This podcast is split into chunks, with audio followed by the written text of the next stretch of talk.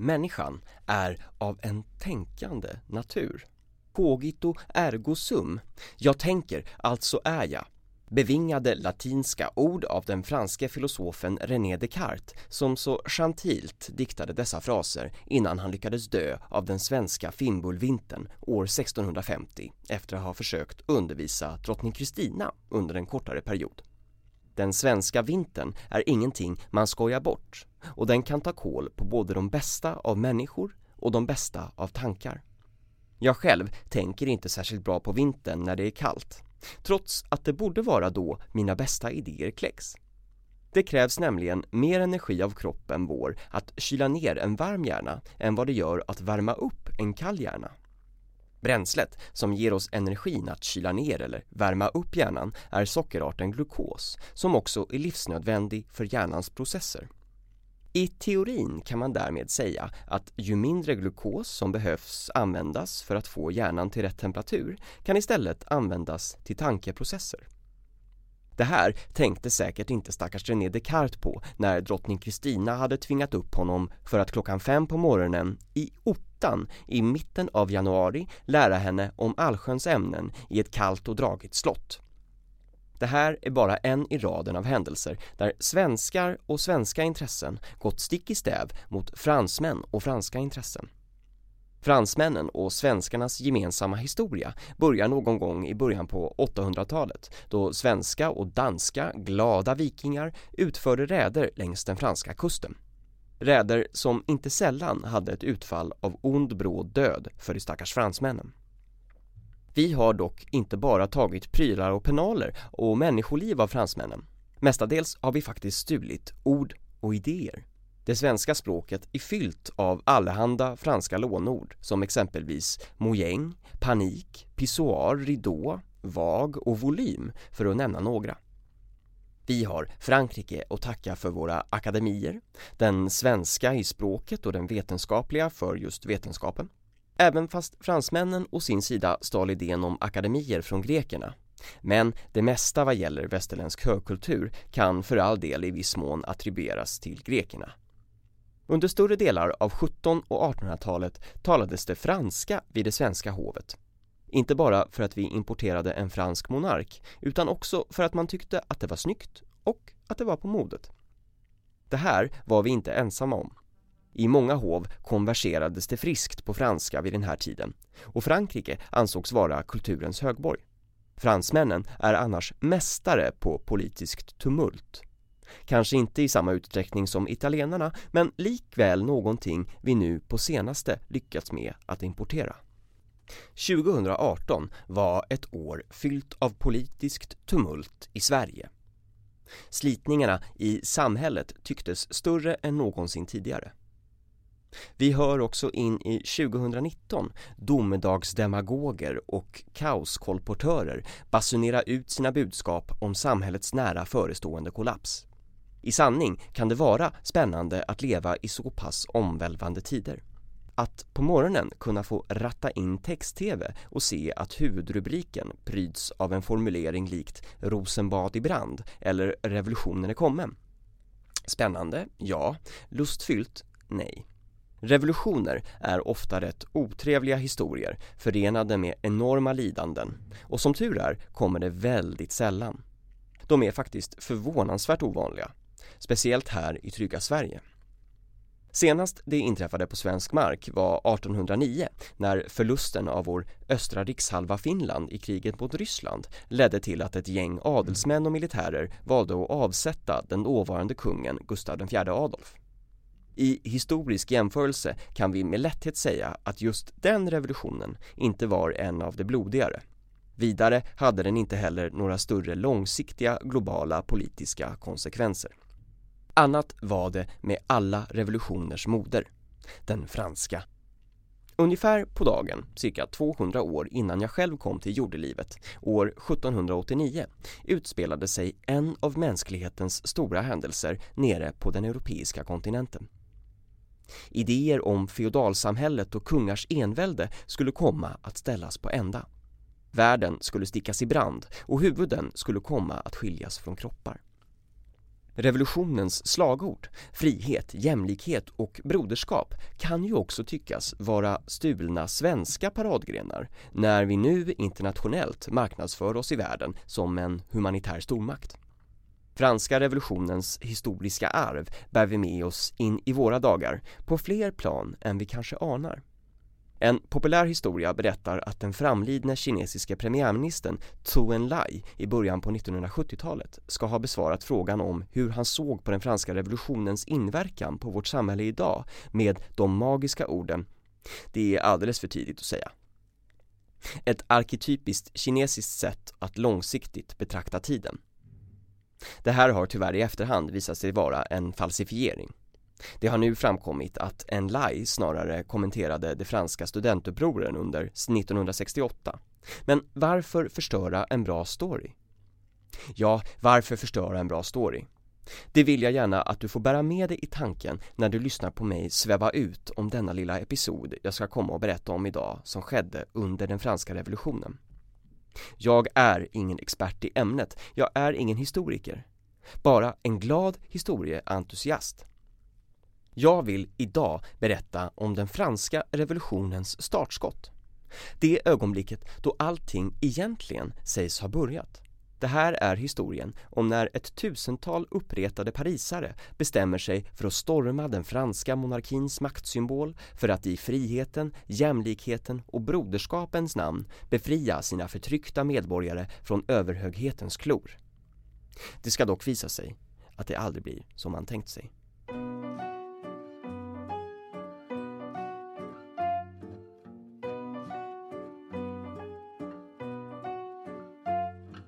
Du lyssnar på Historia du borde fått lära dig med mig, Fredrik. En podcast om dråpliga historiska händelser som påverkar oss än idag men som inte har fått så mycket utrymme som jag tycker att de förtjänar. Podcasten ges ut en gång i veckan och vill du förhandslyssna på nästa avsnitt redan nu föreslår jag att du går in på podme.com eller i podme appen och prenumererar. Första månaden är gratis. Idag ger jag er Stormningen av Bastiljen Frankrike 1789 Sex år innan revolutionen ska ta sin början, den 8 juni 1783, börjar det mullra ordentligt på den norra delen av halvklotet. Närmare bestämt på Island. Marken rör sig på ett sätt som den inte brukar och det skorrar i jordskorpan. Plötsligt exploderade och i marken öppnade sig en 25 kilometer lång spricka och jordens innanmäte börjar spy ut vad som skulle komma att bli 8 miljoner ton fluorväte och 120 miljoner ton svaveloxid rakt upp i atmosfären. Naturens obenhörliga kraft visade sitt fula ansikte och vettskrämda islänningar kunde inte göra annat än att bara se på när den världen som de kände igen som sin egen gick under. En isländsk präst som bevittnade utbrottet skrev om det så här kort efter, citat. Den gångna veckan och två veckor innan denna föll mer gift från himlen än vad ord kan beskriva. Aska, vulkaniskt hår, regn fullt av svavel och salpeter blandades alla med sanden. Trynerna, näsborrarna och fötterna hos boskap som betade eller gick på gräset blev ljust, gula och råa. Allt vatten blev ljummet och ljust blått till sin färg och grushögarna blev gråa. Alla jordens växter brann, vissnade och blev gråa. En efter den andra. När elden växte och närmade sig bosättningarna. Slut citat. Utbrottet på Island skulle komma att få förödande konsekvenser för de stackars islänningarna. Men det var inte bara på Island som vulkanens destruktiva förmåga skulle ha en inverkan på människan. Varför börjar vår berättelse om den franska revolutionen då här på Island? Jo, när alla gaserna från jordens innanmäte släpptes ut i atmosfären färdades dessa otroliga sträckor och lade sig som en dimma över stora delar av Europa och andra delar av världen. Utbrottet ledde bland annat till att den afrikanska och indiska monsunen påverkades, vilket gav ett lägre flöde till Nilen som i sin tur resulterade i en utbredd svält i Egypten. Det beräknas att ungefär en sjättedel av alla egyptier dog i den efterföljande svältkatastrofen. Frankrike kom inte heller undan. Landet var vid den här tiden, som vi kan tänka oss, inget större paradis för den vanliga människan. Verklighetens folk, som Göran Hägglund så famöst diktade, hade ingen dans på rosor. Under de senaste hundra åren hade landet ökat lavinartat i sin befolkning. På bara hundra år hade befolkningsmängden stuckit iväg med 33 procent och man har inte längre kapacitet att föda eller försörja sin population. Speciellt inte under år av missväxt. Missväxt som är utbredd i landet som ett resultat av vulkanutbrottet på Island hela vägen fram till 1789. Det blir inte heller bättre av att man inför en avreglering av marknaden för spannmål, vilket leder till ytterligare problem i tider av dåliga skördar. Vid 1787 kostade en limpa bröd lika mycket som en veckas lön för den genomsnittliga arbetaren i Frankrike. Trots att de allra fattigaste har det värre än kanske någonsin vid den här tiden har en ny klass av välmående medborgare vuxit fram i städerna. Skickliga yrkesmän som tjänat ihop sina egna förmögenheter men inte har någon som helst politisk representation i ett politiskt system styrt av adeln och den enväldige kungen Ludvig den XVI. Den franska kronan har det inte heller så lätt vid den här tiden. Trots att man har en regim som lever tivoli, äter bakelser på Versailles och frotterar sig i värsta tänkbara lyx går statsfinanserna åt pipan. Man har involverat sig i den amerikanska revolutionen för att knäppa ärkefienden England på näsan. Något som skulle visa sig bli ett enormt dyrt företag. Någon större hjälp från adeln får man inte heller. Frankrike har ett skattesystem vid den här tiden där adeln är undantagen skatt och den redan hårt ansatta vanliga befolkningen lever under ett enormt skattetryck från kronan. Kombinera det här med 1700-talets upplysningsideal som genomsyrat samhället från grunden, där en människas okränkbara rätt är på modet. Enväldet är på väg att gå under.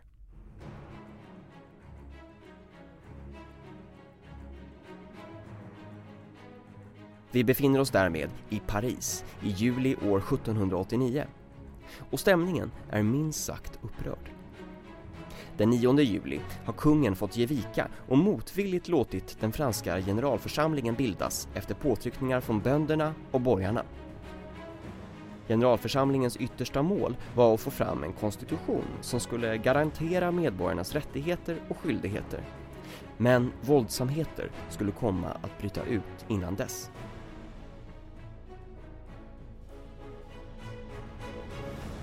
Kungens svar på bildandet av generalförsamlingen blir den 11 juli att avskeda sin finansminister, vilken varit oerhört sympatiskt inställd mot både bönder och borgare. Kalabalik utbryter. Upplopp ses sporadiskt i Paris. Kaoset tilltar. De till kronan vänligt inställda trupperna står vid sidan av och betraktar det hela utan att ingripa. Om inte kronan tänker hjälpa till att återställa ordningen måste parisarna själva göra det. Man bestämmer sig för att skapa en milis bestående av 48 000 man för att återupprätta kontrollen i staden. Denna milis ska sedermera komma att bli revolutionsarmén.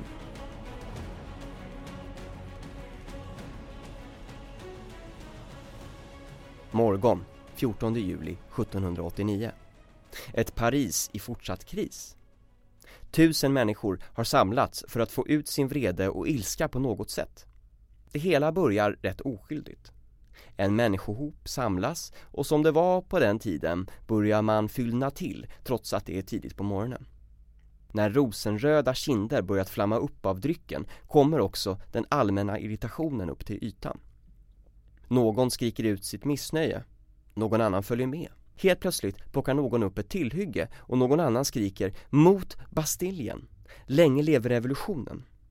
Nu, en gång för alla, skulle man visa att det är folket som egentligen styr. Bastiljen var essensen av kung Ludvig den XVIs envälde.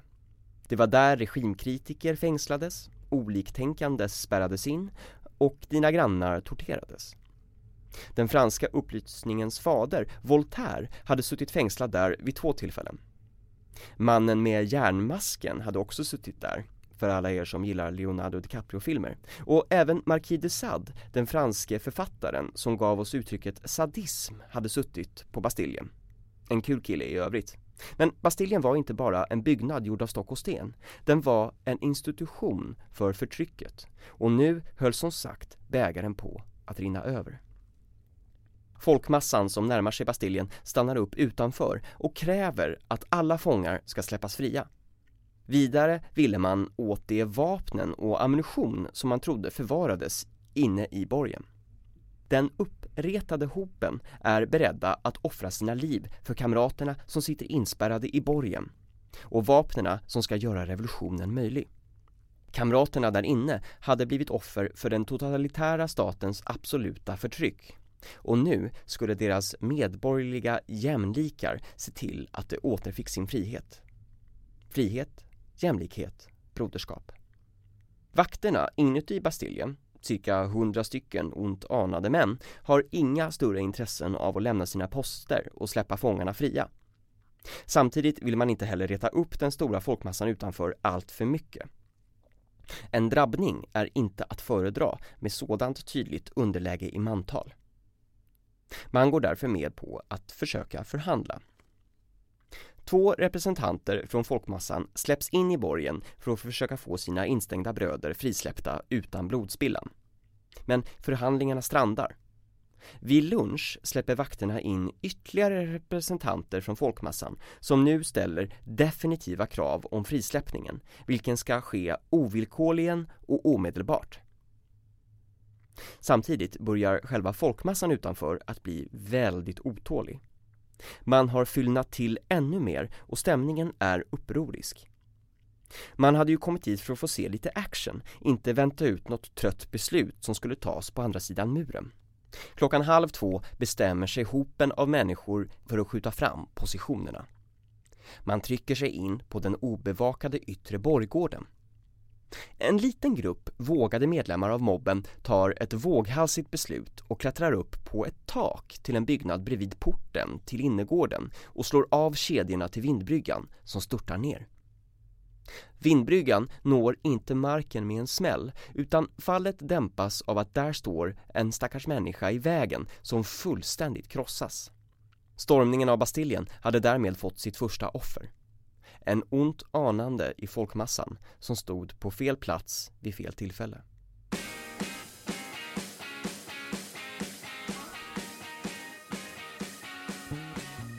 När en människa fallit offer för dessa olyckliga omständigheter börjar Bastiljens vakter känna att det är hög tid att återställa en någorlunda sånär ordning. Man bröstar upp sig, hytter med sina vapen och skriker till folkmassan att backa. Men i tumultet drunknar istället befallningen och folkmassan tror istället att vakterna uppmanar dem att trycka på och ta sig in på den inre borggården. Alltså tvärt emot vad som egentligen beordrades. Någon nervös vakt måste varit den första som brände av den initiala salvan. Eller så var det någon i den stora folksamlingen. I vilket fall utbryter nu full panik och kalabalik.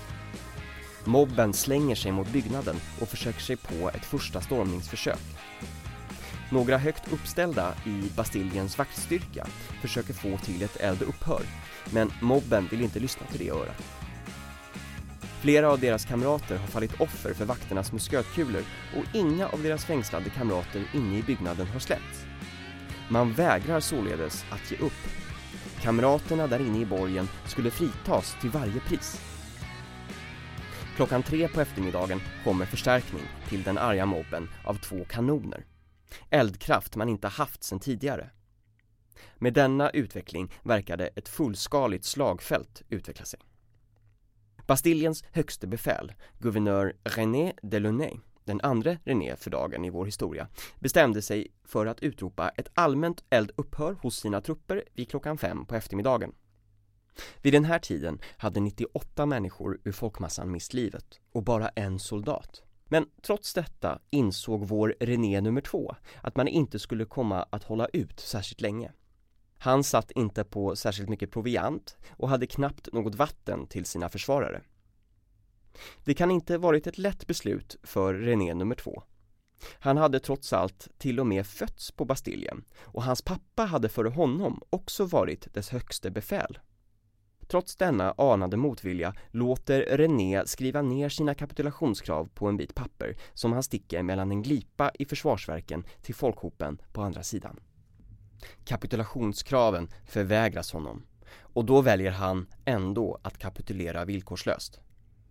Klockan halv sex på eftermiddagen öppnar man Bastiljens portar och folkmassan väller in fanatiskt för att frita sina fängslade bröder. Vår stackars René släpas ut av mobben på Paris gator och blir brutalt misshandlad av ett otal antal människor.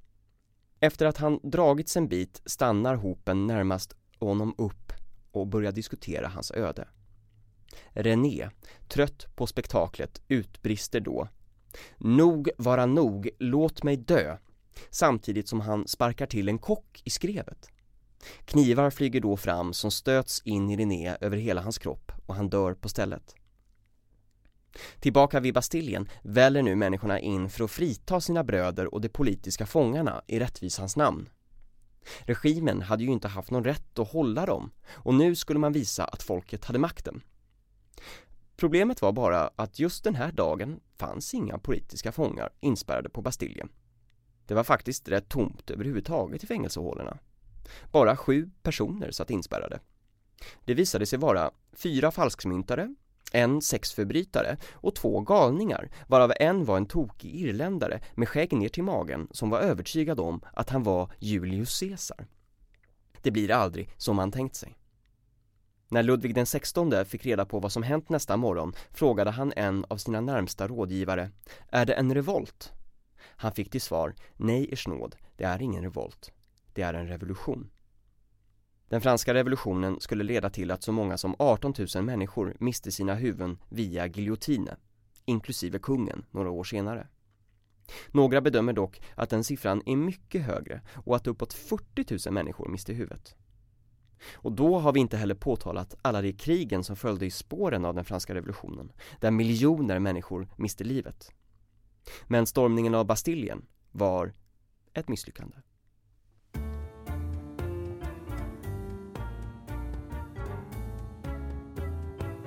Vid åtskilliga tillfällen har jag fått frågan om jag skulle vara villig att stå på barrikaderna om revolutionen kom.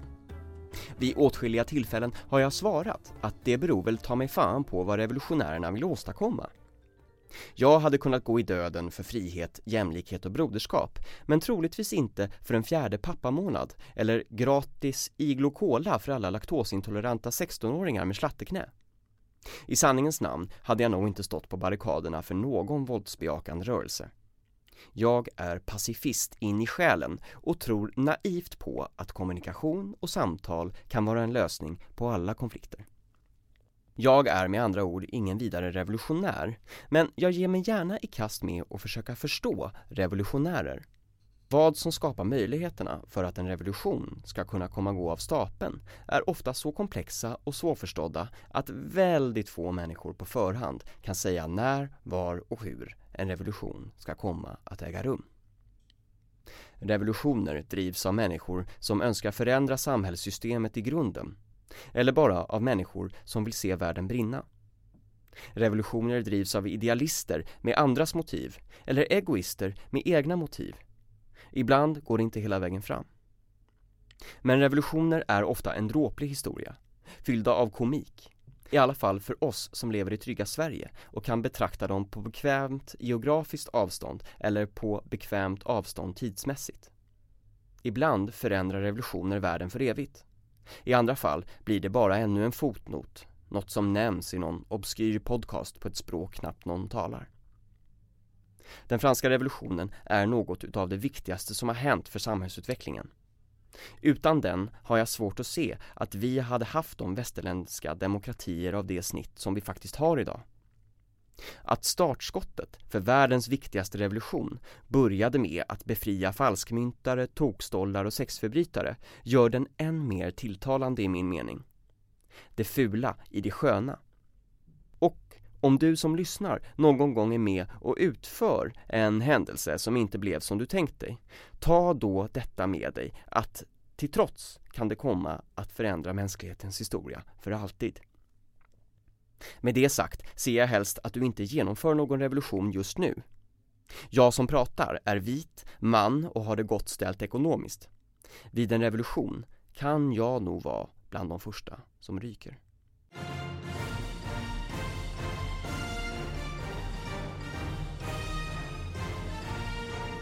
Tack för att du har lyssnat på Historia du borde fått lära dig med mig, Fredrik. En podcast om dråpliga händelser i historien.